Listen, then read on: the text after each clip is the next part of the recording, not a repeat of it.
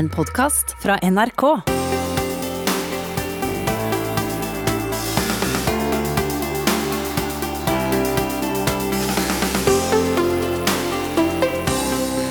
Velkommen til debatt i P2. Du trodde kanskje at du skulle få høre på Ekko nå, men denne uka har vi i Norsk utenrikspolitisk institutt, NUPI, fått låne to timer i NRK P2 mandag til fredag. Og det kommer kanskje ikke som noe overraskelse at vi skal snakke om utenrikspolitikk, og nå er det klima som står på plakaten.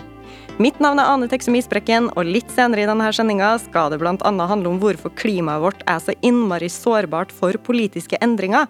Men først skal vi til USA. The United States will withdraw from the Paris Climate Accord I will rejoin the Paris Accord. I will join the Paris Accord because with us out of it, look what's happening. It's all falling apart. Det var vel liten tvil om hvem vi hørte der. Avtroppende president Donald Trump har altså gjort et stort nummer av å ta USA ut av Parisavtalen. I januar tar Joe Biden over førersetet i USA. Han har lova at det første han skal gjøre, er å melde USA inn i Parisavtalen igjen. Og han vil bruke 2000 milliarder dollar på å gjøre USA grønt. Men hvor mye har det å si for klimaet hvem som er president i USA? Kan ikke en ny president bare komme og velte om på ting senere igjen? Og hvor stor rolle spiller klima for det internasjonale samarbeidet? Det er blant tingene vi skal snakke om i denne sendinga. Og Guri Bang, du er forsker og ekspert på klima og USA på NUPI. Vi kan ikke snakke om hva Biden skal gjøre uten å snakke om hva Trump har gjort. Kanskje mest oppmerksomhet har han fått for at han trakk USA ut av Parisavtalen først. Hva er Parisavtalen? Ja, Parisavtalen den ble jo vedtatt i 2015 og var et veldig viktig gjennombrudd for internasjonalt klimasamarbeid. For uh, den samla alle verdens, verdens, land rundt et uh, felles mål om at den globale oppvarminga skal ikke overstige to grader, eller helst 1,5 grader sammenligna med førindustrielt nivå. Og uh, alle land skal da samarbeide om å nå dette målet ved å innføre nasjonal klimapolitikk som skal kutte i utslippene deres. Og Hvert femte år så skal landene vurdere sine egne klimamål og skjerpe ambisjonene sånn at de totale utslippene i verden kommer ned mot null mot midten av dette århundret. Og Dette er veldig krevende målsetninger, og det, det tilsier at vi må ha en stor omstilling. Vi skal innom Parisavtalen igjen senere, men hvor god er egentlig den avtalen? Det er en eh, ambisiøs avtale pga. at den har så eh, klare målsetninger, og at eh, veldig mange land, eller dvs. Si alle land i verden, deltar i avtalen. Um, så, uh, men så er det jo da opp til hvert enkelt land å bestemme hvor ambisiøs klimapolitikk de sjøl skal ha. Så det er både positive og negative ting med, med Parisavtalen.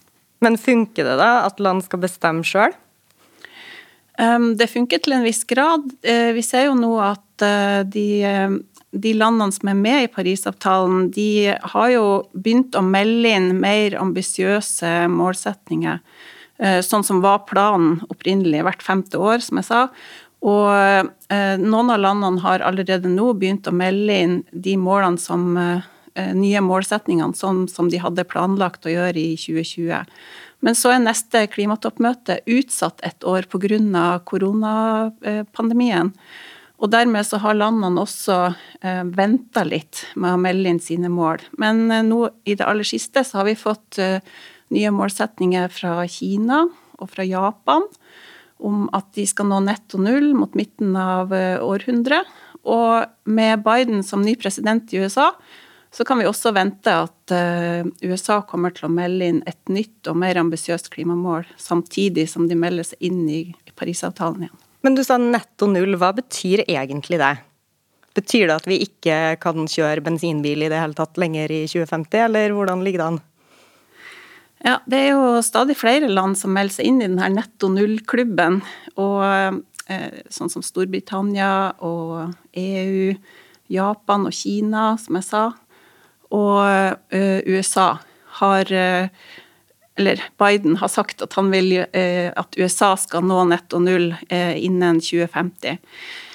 Og netto null, det vil si at klimagassutslipp og fjerning av utslipp gjennom sånne naturlige karbonsluk eller karbonfangstløsninger, at det skal være i balanse. Og det betyr i praksis at eh, utslipp av alle typer klimagasser må presses så langt ned som overhodet mulig med å ta i bruk ny teknologi og, og omstille alt fra matproduksjon, transport, strømproduksjon. Og samtidig blir det også nødvendig å finne løsninger som kan fange klimagasser og lagre i deponier for å hindre at de slippes ut i atmosfæren.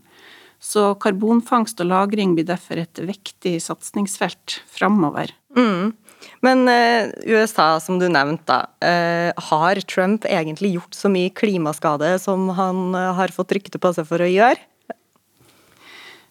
Ja. Trump han har jo i tillegg til å melde USA ut av Parisavtalen, så har han fjerna så mye han bare har klart av den nasjonale klima- og miljøpolitikken i løpet av de fire årene som har gått siden han ble valgt. Så um, i store trekk så kan man si at Trump har fjerna reguleringer som skulle hindre forurensning til både luft og vann, og samtidig så har han styrka subsidiene til forurensende industri og f.eks. kull- og oljeindustrien. Og til sammen så har Trump-administrasjonen tatt bort mer enn 100 miljøreguleringer. Mm. F.eks. Eh, ja, forbud mot å slippe ut giftige avfallsstoffer ut i elver, og eh, tatt bort sånne pålegg om at lekkasjer av metan fra skifergassutvinning må repareres innen rimelig tid. Um, han har også tatt bort ei ordning som skulle kutte karbonutslippene i strømsektoren med 30% innen 2032. Så um, når Biden nå skal overta, så har han lovt at han skal gjøre om igjen på mange av de her tilbakerullingene som Trump har gjennomført. Så um, den ustabiliteten og stadig omskiftningene i klimapolitikken de gjør jo at tiltakene får ikke tid til å virke, mm. og at politikken blir lite effektiv. Mm.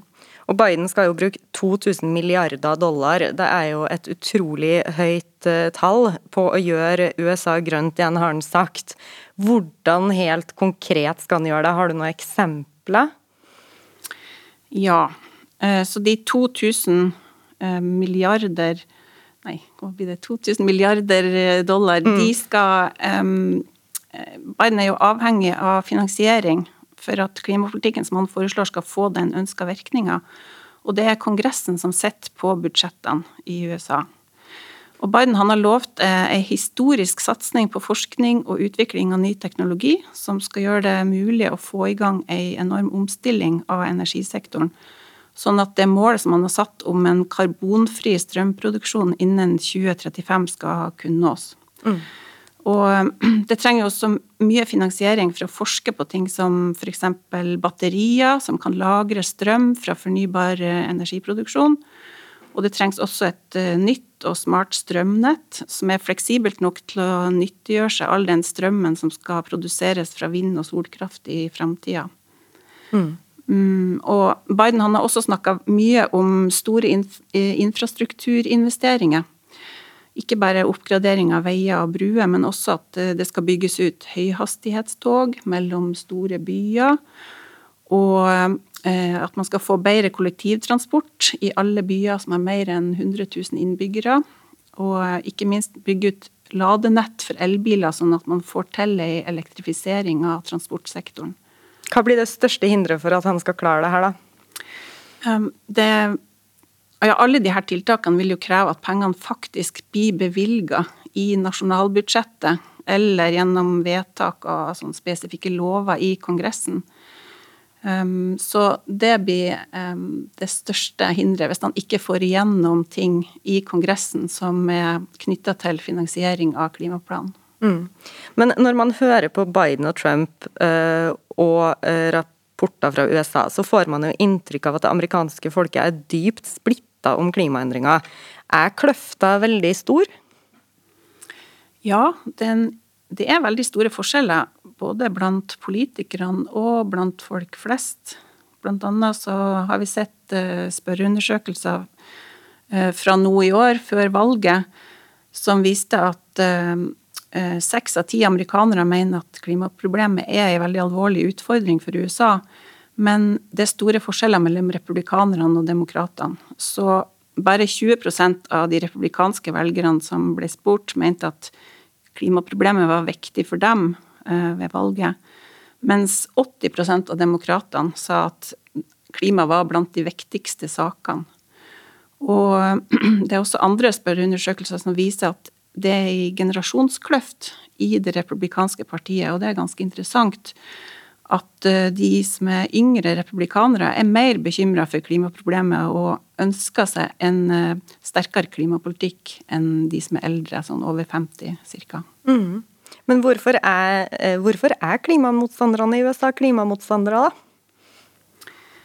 Um, ja, i mange år så har jo den konflikten dreia seg om at om klimaproblemet i det hele tatt finnes. Og Eh, mange amerikanere, og spesielt blant republikanerne, har avvist klimaforskninga og hevder at eh, det vi ser er mer naturlige variasjoner.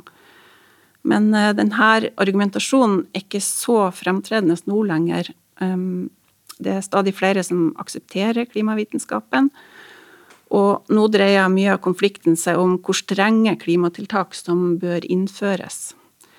Um, så motstanderne frykter at en for streng klimapolitikk det vil virke negativt på økonomien, og at um, reguleringa vil hindre økonomisk vekst for næringslivet. Og dermed føre til færre jobber og dårligere råd for uh, folk flest, og særlig de som sliter fra før av. Men uh, på den andre sida så ser jo de som ønsker seg mer klimapolitikk, og da særlig demokrater, de ser store muligheter for eh, grønn økonomisk vekst og omstilling i økonomien som kan føre til nye jobber, samtidig som utslippene kan kuttes kraftig. Og for eksempel så er det allerede nå mange flere arbeidsplasser innenfor fornybar energiindustri enn eh, i kullindustrien i USA. Mm. Eh, vi hører jo veldig ofte toppolitikerne, altså presidenter, presidentkandidater i USA, som, som, krangler om klimaspørsmål. Men hvordan ser det her ut på delstatsnivå? Er det store forskjeller der? Ja, USA har et eh, føderalt politisk system, og delstatene har eh, i stor grad en styrerett over sin egen klima- og energipolitikk. Så mange delstater mer enn halvparten over 30, har gode ordninger for fornybar energi, og har innført støtteordninger for å fase inn mer vind- og solkraft. Og noen delstater har også en ambisiøs klimapolitikk. F.eks. så har California ambisiøse målsetninger om å kutte sine egne klimagassutslipp, og har innført eh, bl.a. et kvotehandelssystem og en streng standard for utslipp fra biler. Og New York og Washington State har også, har også gode klimatiltak. Og de her tre delstatene har også gått i bresjen for å gjøre alt de kan for å oppfylle Paris-målet til USA, sjøl om Trump trakk landet ut av avtalen. Og de har alliert seg med andre delstater og byer og næringsliv for å forsikre resten av verden om at eh, de skal kutte egne utslipp, og dermed holde USA på veien mot lavere utslipp, uansett hva som skjer på føderalt nivå. Og til sammen så representerer de her delstatene og byene og eh, næringslivet nær halvparten av befolkninga i USA og en stor andel av økonomien. Mm. Så, men eh, selvfølgelig, likevel så vil det jo monne mer på utslippene dersom eh, Biden får iverksatt en sterk føderal klimapolitikk som får med alle delstatene til å trekke i samme retning. Også de delstatene som hittil ikke har hatt en klimapolitikk. Mm. Ja, Vi har altså hørt at selv om Biden kan framstå som en redningsmann for klimaet, så er det ikke sikkert at veien mot et grønt USA blir ren plankekjøring. Eh, USA- og klimaekspert Guri Bang fra NUPI, du skal være med oss videre her i Debatt i P2, og vi skal annet snakke om Kinas klimaengasjement etter hvert. Men først skal vi hoppe til et annet kontinent, nemlig Afrika.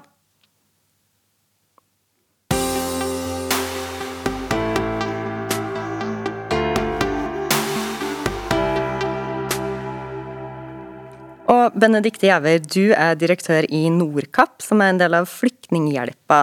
Eh, dere jobber med nasjonale og internasjonale aktører for å forbedre situasjonen til folk i sårbare land. Og du har vært på bakken og sett hvordan klimaendringer påvirker folk direkte, særlig i Sahel-beltet i Afrika, hvor sårbare stater som Niger, Mali og Eritrea ligger. I Afrika så bor mange av dem som rammes hardest av klimaendringer. Eh, hvordan preger klimaendringer hverdagen til dem som er verst utsatt og bor her? Altså nå har vi i løpet av de siste 20 årene sett en dobling av naturkatastrofer. Dette er nye tall som kommer ut fra en stor rapport eh, fra FN. Og det er helt klart at det er det samme som vi ser på bakken i disse mest sårbare landene. Og når du reiser rundt der, så ser man jo enormt tørre områder. De er veldig utsatt for tørke. Men så har du også mye flom, og det er den kombinasjonen med flom og tørke som er så utrolig uheldig. Sånn at folk som eh, f.eks. skal dyrke jorda si, vil ofte få problemer fordi at de vet ikke når de skal begynne å dyrke, i forhold til når det regntiden setter inn. Men de også vil være usikre på når skal de høste, i forhold til også når regn og tørke avløser hverandre. Så det vi jo ser nå, at det er store områder hvor eh, folk sliter med rett og slett å holde, mm, ja, dyrke jorda si. Men vi ser jo også på områder som ligger veldig lavt i forhold til elveutløp, i forhold til havet, som blir oversvømt. Men dette påvirker også f.eks. helsesituasjonen i et land, fordi at eh, sykdommer som malaria, dysenteri, er avhengig av, av vær. Så det får store konsekvenser også for eh, landets økonomi. Men Vi snakker jo mye om at vi må kutte utslipp for å begrense klimaendringer her hjemme. Men for dem som bor her, da, så, så, eller der, så hjelper jo det lite akkurat nå. Hva er helt konkrete ting som du ser at bør gjøres for å bedre situasjonen? Altså Noe av det vi har jobba med, er å sikre at faktisk folk skal få tilgang til um, værvarsel. Varselstjeneste i forhold til været. Som Yr, altså. Som Yr. Mm. Og vi i Norge er jo veldig opptatt av vær. Vi har også mye vær, men det har du også i disse landene. Sånn at eh, det vi ser er at de, mange av disse mest sårbare landene har ikke tilgang til gode værvarslingstjenester, og heller ikke tilgang til um, langtidsvarsel. Så det er noe av det vi jobber med, sånn at folk faktisk kan uh, vet når de skal så, men også hva de skal så, og når de skal høste, sånn at man tilpasser det. Og I tillegg så er det jo viktig at uh, f.eks. folk som skal ut på fiske, at de vet når kan vi dra ut på havet, og når bør vi holde oss hjemme, eller hvor raskt skal vi dra hjem igjen. Og Dette er jo ting som vi tar ganske for gitt, men for folk uh, i disse områdene så er det liksom det, er, det, står om liv og død, rett og slett. Så derfor så er det utrolig viktig. Det annet også vi ser på, er det der med å bygge kapasitet i forhold til ja, nasjonale handlingsplaner. Fordi at, um, som jeg nevnte i sted, så handler dette også om helse. Så hvis helsemyndighetene vet når disse store flommene kommer, eller når du får lange tørkeperioder, så kan de også gi gode råd og legge gode planer i forhold til de rette tiltakene. Og dette er ting kanskje ikke vi ofte tenker sånn på, men i disse mest sårbare landene så betyr det veldig, veldig mye. Og så er det jo det at vi må, vi må også se på hvordan vi kan sørge for at forhindre f.eks. For erosjon. Eh, vi bor jo i et land fullt eh, av fjell, og vi er vant til at det kan gå leirras. Vi eh, må noen ganger også flytte på oss. Vi får beskjed fra NVE at nå må vi evakuere. Men igjen i disse områdene så har de ikke tilgang til den type informasjon. Men eh, der er jo topografien litt annerledes, sånn at du ofte har lange, slake ja, eh, Sletter. Sletter. Mm. Og da tenker jo, liksom, når jeg har vært der og sett, så tenker jeg oi, kan du få eh, flom her, liksom? Hvordan vil det se ut? Men det er rett og slett fordi at jorda er så tørr, og når du da får mye regn, så bare får du en stor, store problem med erosjon. Og Da tar du rett og slett med det topplaget på den jorda, og da blir det utrolig vanskelig å kunne dyrke etterpå. Mm. Men eh, hvorfor er det sånn da at eh, klimaendringer rammer fattige i såkalte sårbare stater, som vi snakker mye om her, så ille, eller verst? Altså nå er Det jo sånn at det er jo sånn et komplekst bilde, fordi at i mange av disse områdene så er det også konflikt. Uh, og nå er det jo liksom kan spørre seg hva kommer først. Er det klimaendringene som påvirker konflikt? Konflikt som påvirker klimaendringene? Men det er helt klart at for mange her så er de, eh, de, har, eh, de har det fra begge kantene. Og det gjør at det blir en veldig vanskelig situasjon. Og spesielt for de unge. Vi ser at det er mange unge som enten legger på flukt, de migrerer, eller at de, de må søke seg til kanskje kriminelle bander, eller de blir en del av en terroristorganisasjon, for å sette det litt på spissen. Men de vil kanskje også trekke inn mot storbyene, hvor det også er blitt mer og mer vanskelig å overleve. Ja, Hvis man skal se på, på konsekvenser av det her internasjonalt, da, hva, hva, kan på en måte bli verste eller worst case scenario med, med tanke på sikkerhet, migrasjon og slike ting? Det er jo helt klart at altså, Migrasjon er jo noe som eh, vi spesielt i Europa har vært veldig bekymra for. Og, og, det er helt klart at du vil få en økt migrasjon. Det har vi allerede, men den skjer først og fremst i de regionene. Eh, vi teller liksom de tusen som kommer inn til Europa, men det er jo et fåtall av, i forhold til den store migrasjonen som nå skjer i regionalt. Og, det vil få større og større konsekvenser også regionalt, fordi at til slutt så vil de kunne klare å ta imot alle disse internt. Eh, også i forhold til konfliktbildet, og da har man jo opp gjennom historien sett at det er en nær sammenheng mellom konflikt og eh, klimaendringer. Og det kommer til bare å bli enda verre. Husk, det har aldri bodd så mange folk på jorda som det gjør per dags dato. Men også vi bor i et globalt samfunn. De unge de ser på sine telefoner hva andre unge, ungdom i Vesten kan få, og hva de har tilgang til. Og de ønsker det samme. Så vi kommer til å bli møtt med et helt annet press framover enn det vi ser per i dag.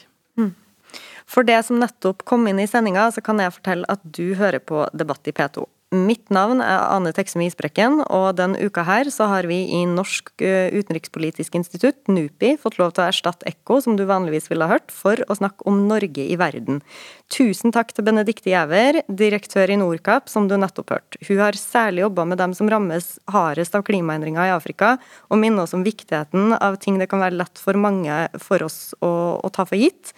Um, nå så skal vi få med oss kollega Hans Jørgen Gåsemyr på linje fra Trondheim. USA-ekspert Guri Bang blir med oss videre.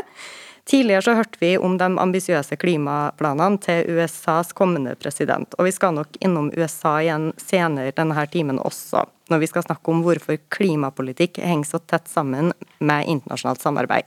Men først skal vi altså innom Kina.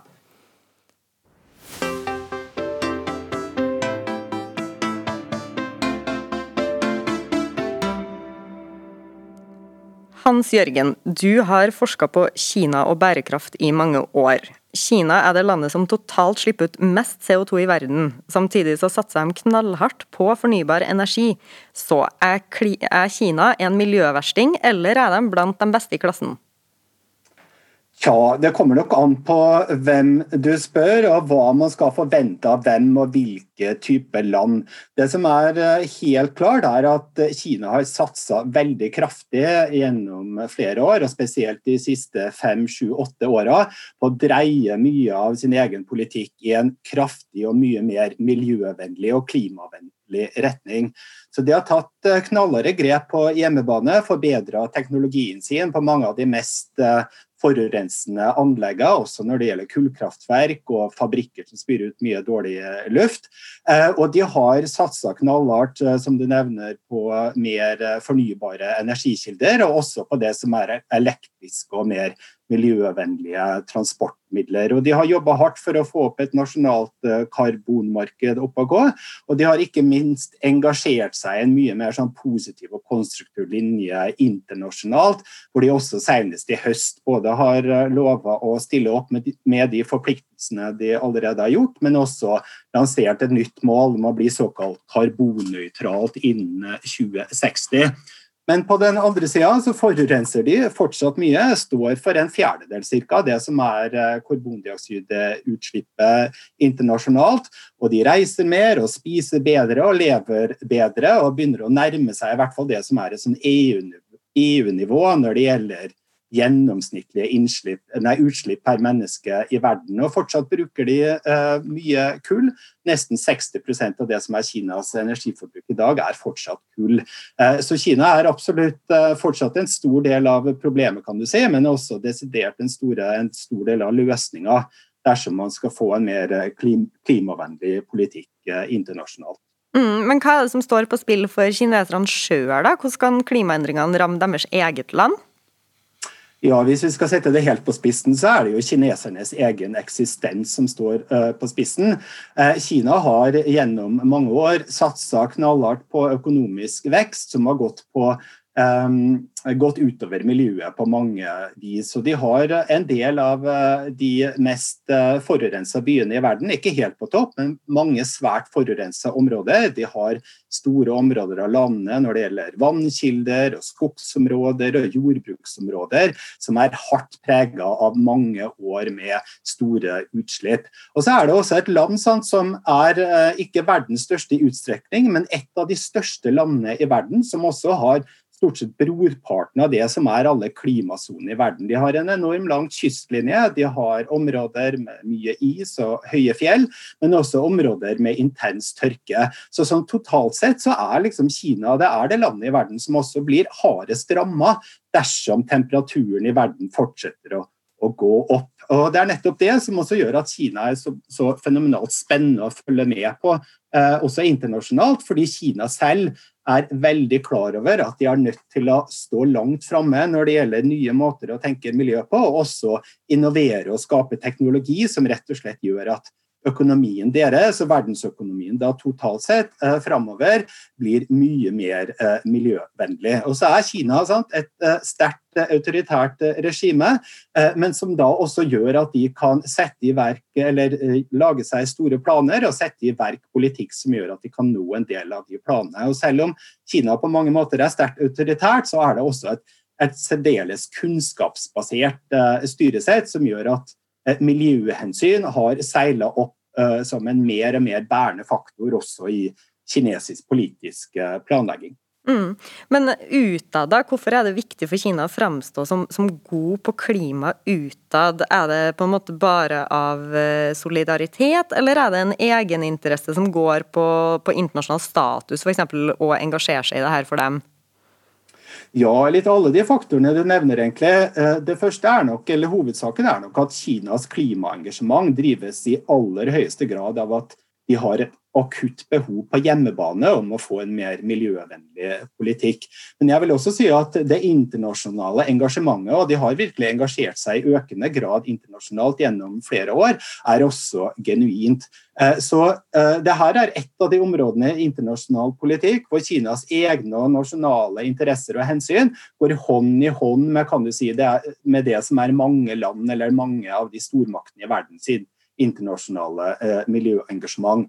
Det er også et av de områdene i storpolitikken som har vært mindre prega si, av geopolitisk konkurranse, og også et av de områdene internasjonalt hvor Kina er eller som treffer en del av de menneskerettighetsområdene kan du si, som Kina mer enn gjerne snakker, uh, snakker uh, velvillig om, nettopp fordi det går på bærekraft, og det går på det som er liksom, uh, menneskelige levefaktorer som uh, på Kina mangevis har forbedra seg kraftig gjennom uh, mange år.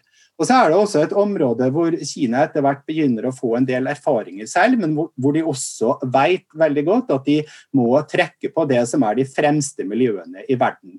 Og Det er nettopp derfor også Kina er så interessert i for å ha et uh, gryende og voksende miljøsamarbeid med land som Norge. og Nettopp derfor også de er så opptatt av å for fortsette å låne penger og, og, fortsette å få økonomisk og teknisk bistand fra store institusjoner som eh, Verdensbanken.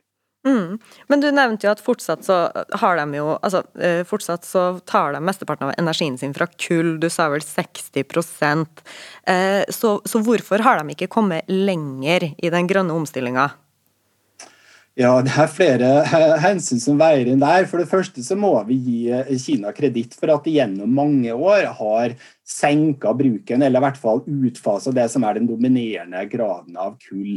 Eh, så den har gått ned over mange år. Nå har dessverre de, de siste par åra så har produksjonen av kull begynt å gå opp igjen. Men Kina har da også investert heftig i å få den mest forurensende delen av kullkraftverk til å bli mindre eh, forurensende. Men så er det sånn at Kina har både stor adgang til store kullressurser nasjonalt, og så er det sånn at kull internasjonalt har vært en billig energi, energikilde og forblir en billig og sånn sett lukrativ energikilde.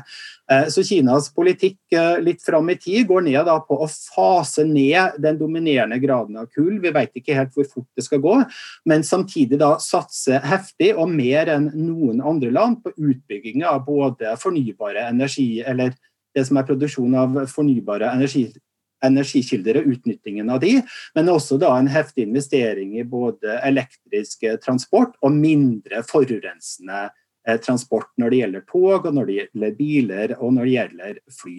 Eh, men Kina er, som mange andre land, og ikke minst som utviklingslandet, da, Kina er helt avhengig av å også fortsette å vokse økonomisk. Så dersom de faser ned for raskt, eller eh, omstiller for raskt, så er man redde for at man skal liksom slå beina under også det som er bærekraften i den økonomiske veksten, og det som man ser på som er nødvendig for å holde de økonomiske hjula, omstillinga økonomisk i gang i åra framover. Derfor ser man også at kinesiske interessegrupper og politikere også innad i Kina krangler innbitt med hverandre, eh, som man ser i andre land, hvor du har de som er opptatt av hva man skal si, tradisjonell industri og tradisjonell økonomi eh, versus de som ønsker en enda raskere og mer radikal omlegging. Og De hensynene, den kampen ser man også innad i Kina, selv om det ikke er like tydelig eller like synlig utad, fordi Kina har det politiske systemet de har. Mm. Men du, vi har jo sett bilder fra Kina av sånn før og etter etter korona-lockdown, eh, og hvor, hvor, smogen bare forsvinner ikke sant, fra, fra lockdown. har det, er det noen utsikter til at denne pandemien speeder opp grønn omstilling i Kina? Ja, du kan si Kina som eh, ble ramma av covid eh, først, kan du si, og hvor de stengte ned massivt og hardt. Eh, begrenser også utslippene sine i veldig stor grad. og det, sett, det, er det man har sett på mange av de bildene eh, du sikter til. Men nå har også i etterkant også Kina vært det landet som har åpna mest opp. og Internasjonalt så er Kina det landet i dag, i hvert fall desidert det landet blant de store økonomiene i verden som er tilbake til normalen, eller i størst mulig grad er tilbake til et nivå eller hvor produksjonsjorda er mer eller mindre på linje med det de var før pandemien. Eh, og så har man også i Kina som i andre land vært opptatt av å komme seg gjennom denne krisen, så man ser nok mer slepphendt på noen typer utslipp, selv om kinesiske politikere på nasjonalt nivå sier at de opprettholder det som har vært de utviklingspolitiske og de miljøpolitiske målene de skal man opprettholde. Men man kan nok tenke seg at på en del lokale steder som, hvor uh, deler av industrien har vært hardt rammet av pandemien, at man også ser litt mer sleppet på gjennom fingrene på noen typer utslipp. Men så vil nok også jeg påstå at pandemien også treffer Kina på et tidspunkt hvor de allerede er midt inne i en ganske tøff omstilling, og hvor de nasjonale politikerne allerede har sett for seg å gå ganske kraftig til verks for å også ta bukt med og slå ned en del næringer som har vært kraftig forurensende. Og Det gjelder stål, og det kan også gjelde noen typer um, infrastrukturbygging.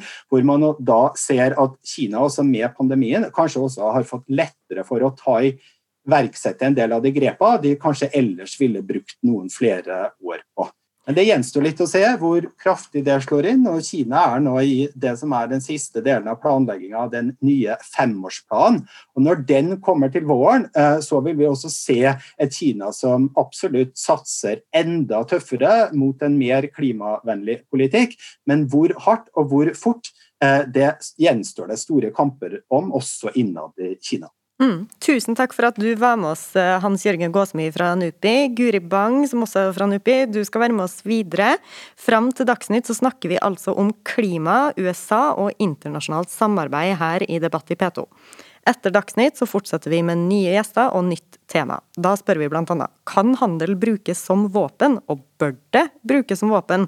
Men før den tid så skal vi fra stormaktene på hver side av oss til en ganske mye mindre stat, nemlig vår egen.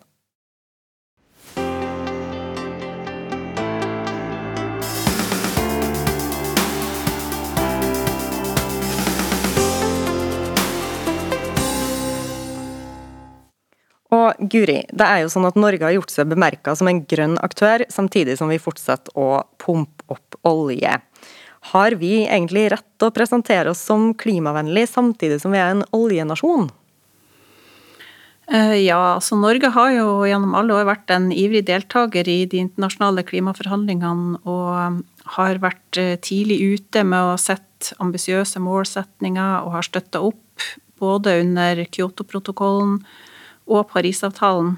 Og har jo foreslått eh, løsninger fra bevare regnskog og, og bruke fleksible mekanismer som har gjort det lettere for land å samarbeide om utslippskutt.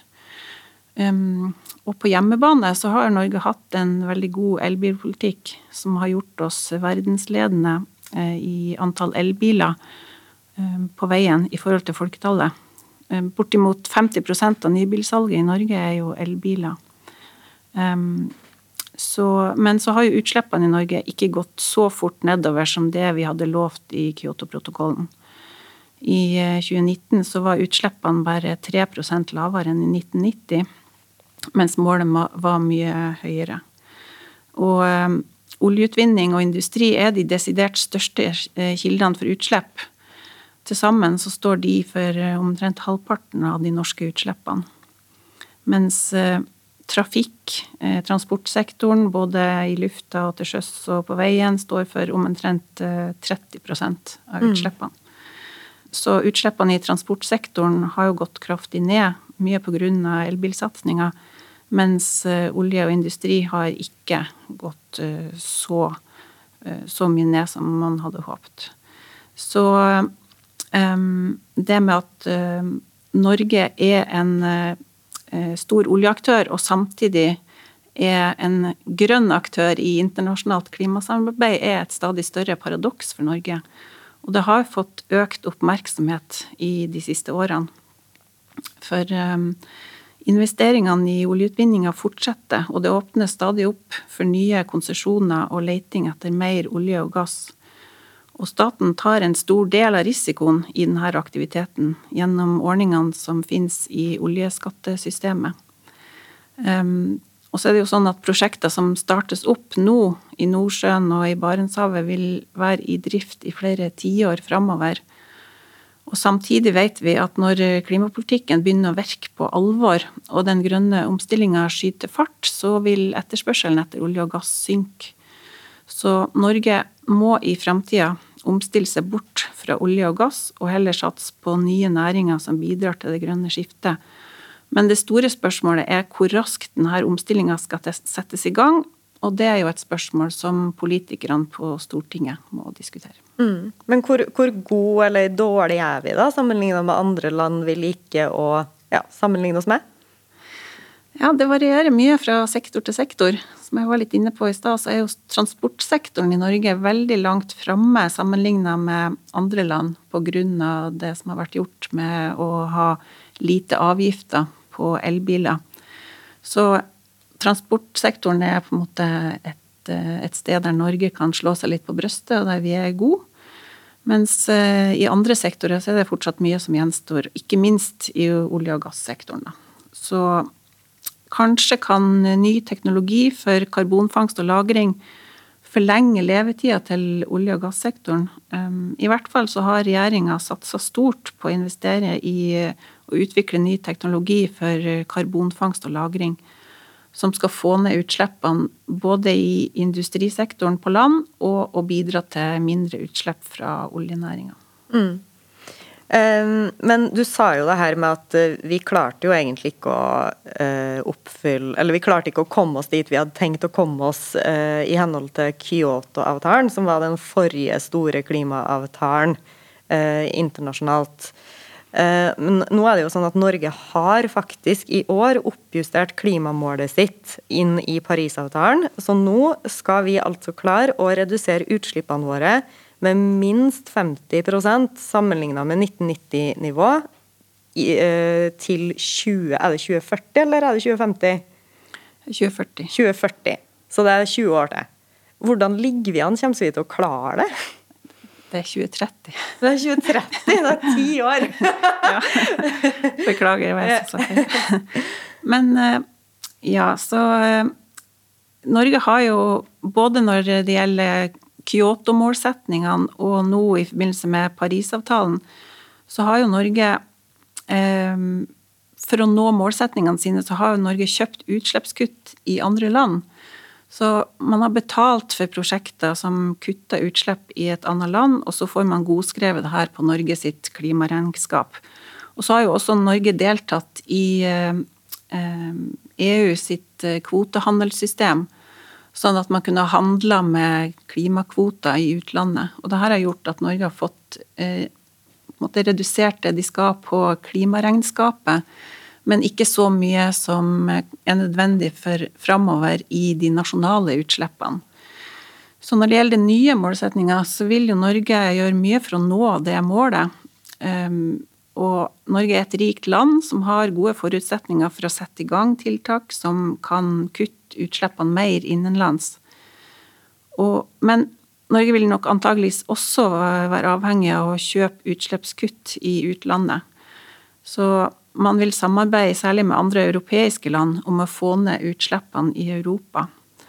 Norge har jo samordna sin klimapolitikk veldig tett med EU sin klimapolitikk. og um, vil oppfylle Paris-målsetningene i samarbeid med EU. Så mm. de minst 50-55% de skal oppfylles i samarbeid med EU. Og Det betyr at eh, bl.a. at Norge kan kjøpe kvoter og finansiere prosjekter i andre europeiske land, og få det godskrevet på Norge sitt klimaregnskap. Mm.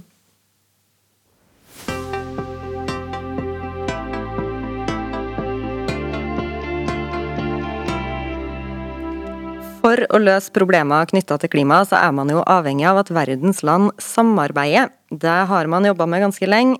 De internasjonale klimaforhandlingene har pågått helt siden 1992 og bygger på flere klimaavtaler, der Parisavtalen som vi har snakka om i dag, er den siste som ble inngått. Landene som har slutta seg til de her avtalene, har årlige forhandlinger i det som kalles partsmøter. Og vi har kommet oss inn bak klimaforhandlingsdørene og snakka litt med han som leder dem her for Norge, Henrik Hallgrim Eriksen.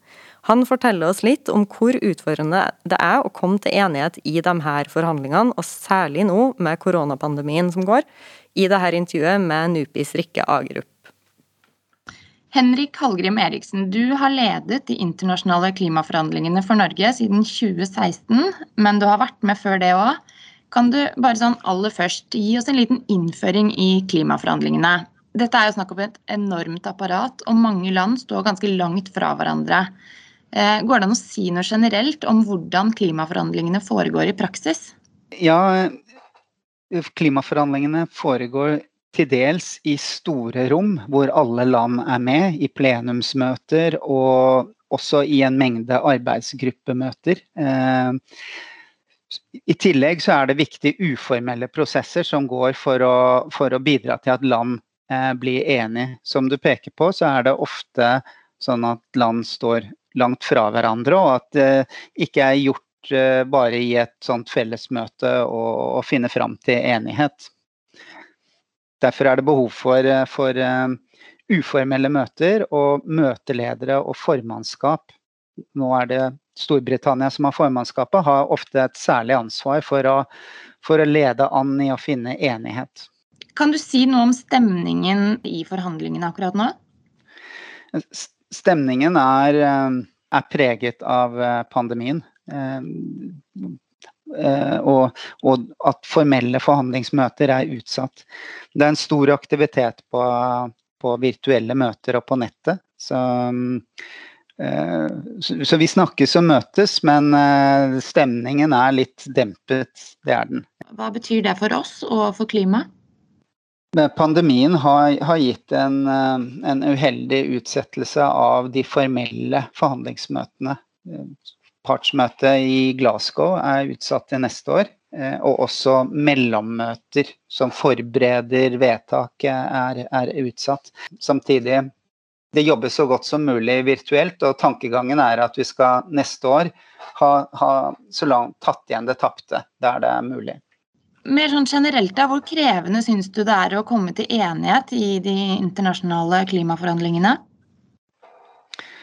Det er noen ting som er som man kommer til enighet om, og, og det er også ting i forhandlingene som ofte er prosesser knyttet til måling og rapportering. Land viser frem eh, klimapolitikken sin, får spørsmål og sånne ting. Så det er ikke alt som er konfliktsaker.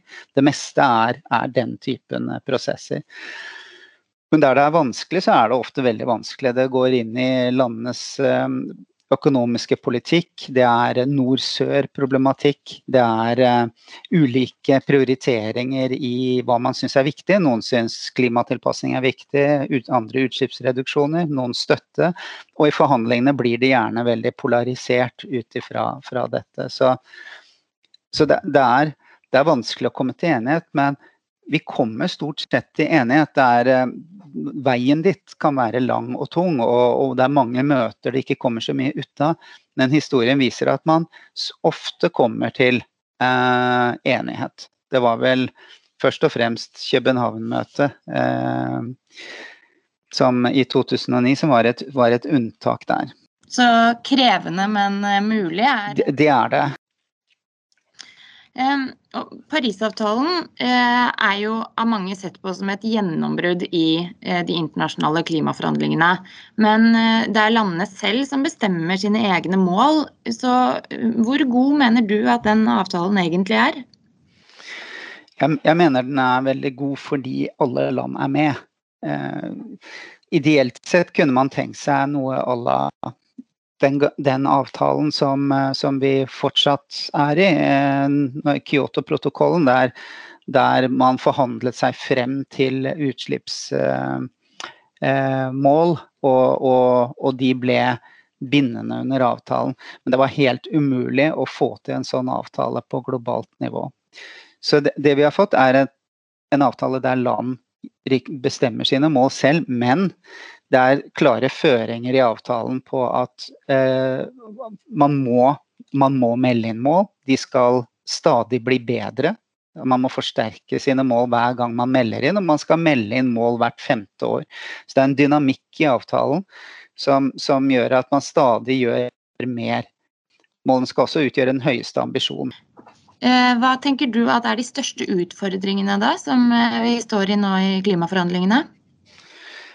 Den største utfordringen nå er knyttet til landenes eh, forsterkning av sine utslippsmål under avtalen. Parisavtalen ble vedtatt i 2015, og 2020 i år er første gangen land skal oppdatere og forsterke sine mål.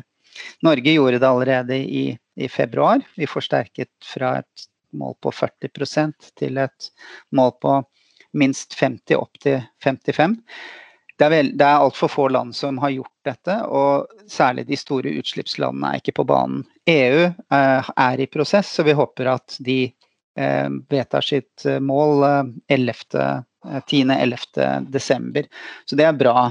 Så har det kommet en del signaler om, om, eh, om langsiktige mål fra Kina, eh, fra Japan, Canada.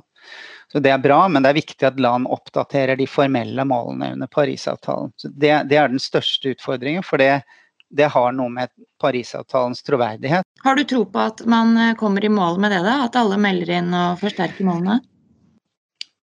Nei, jeg, jeg tror ikke vi kommer i mål i den forstand at alle, alle gjør det. Men jeg, jeg håper at Og, og jeg tror, tror det, blir, det, det, blir, nok vanskelig å, å, få til dette i år. Britene som formannskap har, tatt, har, sammen med FNs generalsekretær og Frankrike, Chile og Italia tatt i, uh, initiativ til en, et statsledermøte 12.12. som nettopp skal fokusere på økte ambisjoner. Uh, og det, det, kan hjelpe til med å få frem noe, men uh, det blir vanskelig å få til det i år. Forhåpentligvis så, så det, er det en dynamikk som gjør at land kommer med dette også inn i neste år. Eh, sånn at frem mot eh, partsmøtet neste år så, så ser ikke situasjonen så, så, svart ut. Men akkurat nå er det, er det utilstrekkelig. Det er liten tvil om det. Da har du jo kanskje vært litt inne på det, men du ser jo med egne øyne de ulike landenes forhandlingsvilje. Hvor optimistisk er du da for at klimaforhandlingene kan få oss dit vi må være i tide? Mm klimaforhandlingene har en viktig oppgave i å vise frem at land samarbeider, og at man gjør det i rammene av et formelt regelverk. Eh, så det har en, det har en viktig rolle. Eh, tror forhandlingsviljen eh, vil, vil, dra nytte av at USA kommer tilbake. Det er verdens største økonomi som nå blir med igjen i avtalen. Samtidig så løser ikke den utfordringen med, med, med, nasjonale mål under Parisavtalen, siden det nettopp ikke er en forhandlingssak. Men eh, det, eh, viljen til å, gå, til å lede an med ambisiøs klimapolitikk er, har også en sammenheng med, med, hvor godt det internasjonale samarbeidet fungerer. Så derfor, derfor er, er klimaforhandlingene også viktige for det.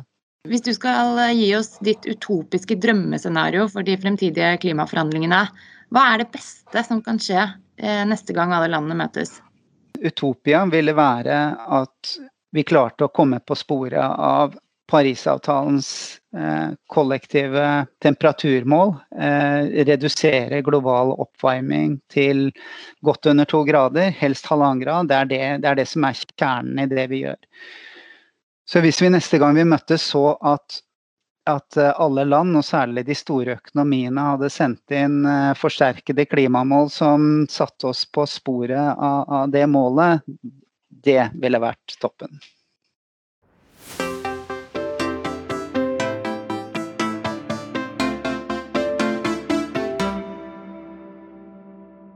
Vi hørte altså et intervju med Henrik Hallgrim Eriksen, som leder de internasjonale klimaforhandlingene for Norge her på Debatt i P2. Du får høre mer fra oss etter Dagsnytt, og da er temaet bl.a. handelspolitikk som våpen. Men før det så skal vi snakke litt mer med det Guri Bang, klimaforsker ved NUPI. Vi begynte jo denne timen med å snakke om USA og påtroppende president Joe Biden sin ambisiøse klimaplan. Han tar over for en president som sto for det motsatte, og han får litt av en ryddejobb. Og Guri, hva er det som gjør eh, klimaet så sårbart for endringer i presidenter og regjeringer? Ja, det er jo sånn at eh, Gode løsninger på klimaproblemet krever langsiktig tenkning og harde prioriteringer og også samarbeid på tvers av land.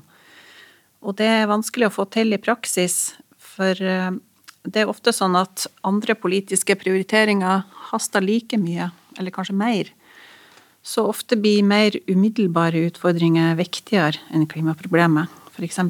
hvis det oppstår økonomisk krise, sånn som vi har sett i år med covid-krisa. Eh, det kan være utdanning, det kan være fattigdom osv. Så, videre. så eh, det kan være vanskelig for politikere å prioritere klimapolitikk over annen type politikk. Og også har vi jo sett at internasjonalt samarbeid kan være krevende å få til. Så generelt så har internasjonalt samarbeid hatt dårlige kår de siste årene. Um, når det gjelder det internasjonale klimasamarbeidet, så kan kanskje valget av Biden og nytt engasjement fra USA i eh, de internasjonale klimaforhandlingene føre til en ny giv. Det gjenstår å se. Men i hvert fall så har klima kommet stadig høyere på dagsorden i flere land de siste årene. Nå har det fått et tilbakeslag med covid-krisen, selvfølgelig. Men særlig i EU så er det gjort mye for å få i stand en bred politikkpakke som skal kutte utslippene kraftig i Europa framover.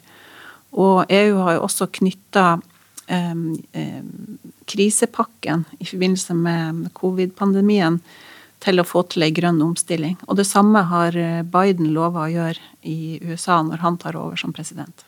Ja, for det er jo lett å tenke seg at uh, pga. koronapandemien så har, eh, så har klimaarbeidet blitt satt tilbake i mange land. Kan du si litt om det? Hvor mye er det eventuelt satt tilbake? Snakker vi et år, eller er det mer?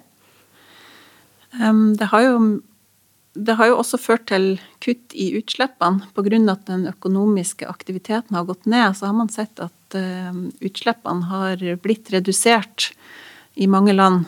Um, uh, og vi har hørt tidligere i sendinga at bl.a. i Kina så har økonomien kommet raskere i gang igjen enn i andre deler av verden. Så det er på en måte litt blanda hvordan utfall den covid-krisa får sånn rent konkret. Det kan være at det ikke blir gjort kraftige investeringer nå i, eh, i omstillinga som skal til i økonomien på lang sikt. Men samtidig så kan man jo få sånne krisepakkeløsninger, sånn som vi har sett at EU jobber for å få til. Der man legger inn grønne investeringer og satsing på uh, grønn omstilling og ny grønn økonomisk vekst i sånne krisepakker. Mm. Eh, Hallgrim Eriksen, eh, som vi hørte intervjuet med her, eh, var jo inn på det. Men hvor viktig vil du si at USA er for internasjonalt klimasamarbeid? Ja, altså USA er jo verdens største økonomi og den nest største utslipperen av klimagasser. Så det har mye å si at USA deltar aktivt for å kutte utslippene. Så Parisavtalen vil bli mer effektiv hvis USA er med eller når USA kommer med igjen. Dessuten så viser jo erfaringer fra klimaforhandlingene at når USA presser på for å få til løsninger, så er det større sjanse for at de blir vedtatt. Så USA var en viktig pådriver for å få vedtatt Parisavtalen i samarbeid med Kina. Og det diplomatiet og samarbeidet som var mellom de to supermaktene, var helt avgjørende for at avtalen til slutt ble vedtatt. Mm. En ting er i hvert fall sikkert, og det er at det blir veldig spennende å følge med på hva de neste årene bringer med seg på klimafronten, både i USA, Kina og her hjemme. Hold det her på kanalen, for etter Dagsnytt skal vi bl.a. snakke om hvorvidt handelsavtaler kan og bør brukes som politisk våpen. Tusen takk til ekspertene som var med i Debatt i P2 i dag. Guri Bang og Hans Jørgen Gåsemy fra NUPI. Benedicte Jæver i Nordkapp og Henrik Hallgrim Eriksen i Klima- og miljødepartementet.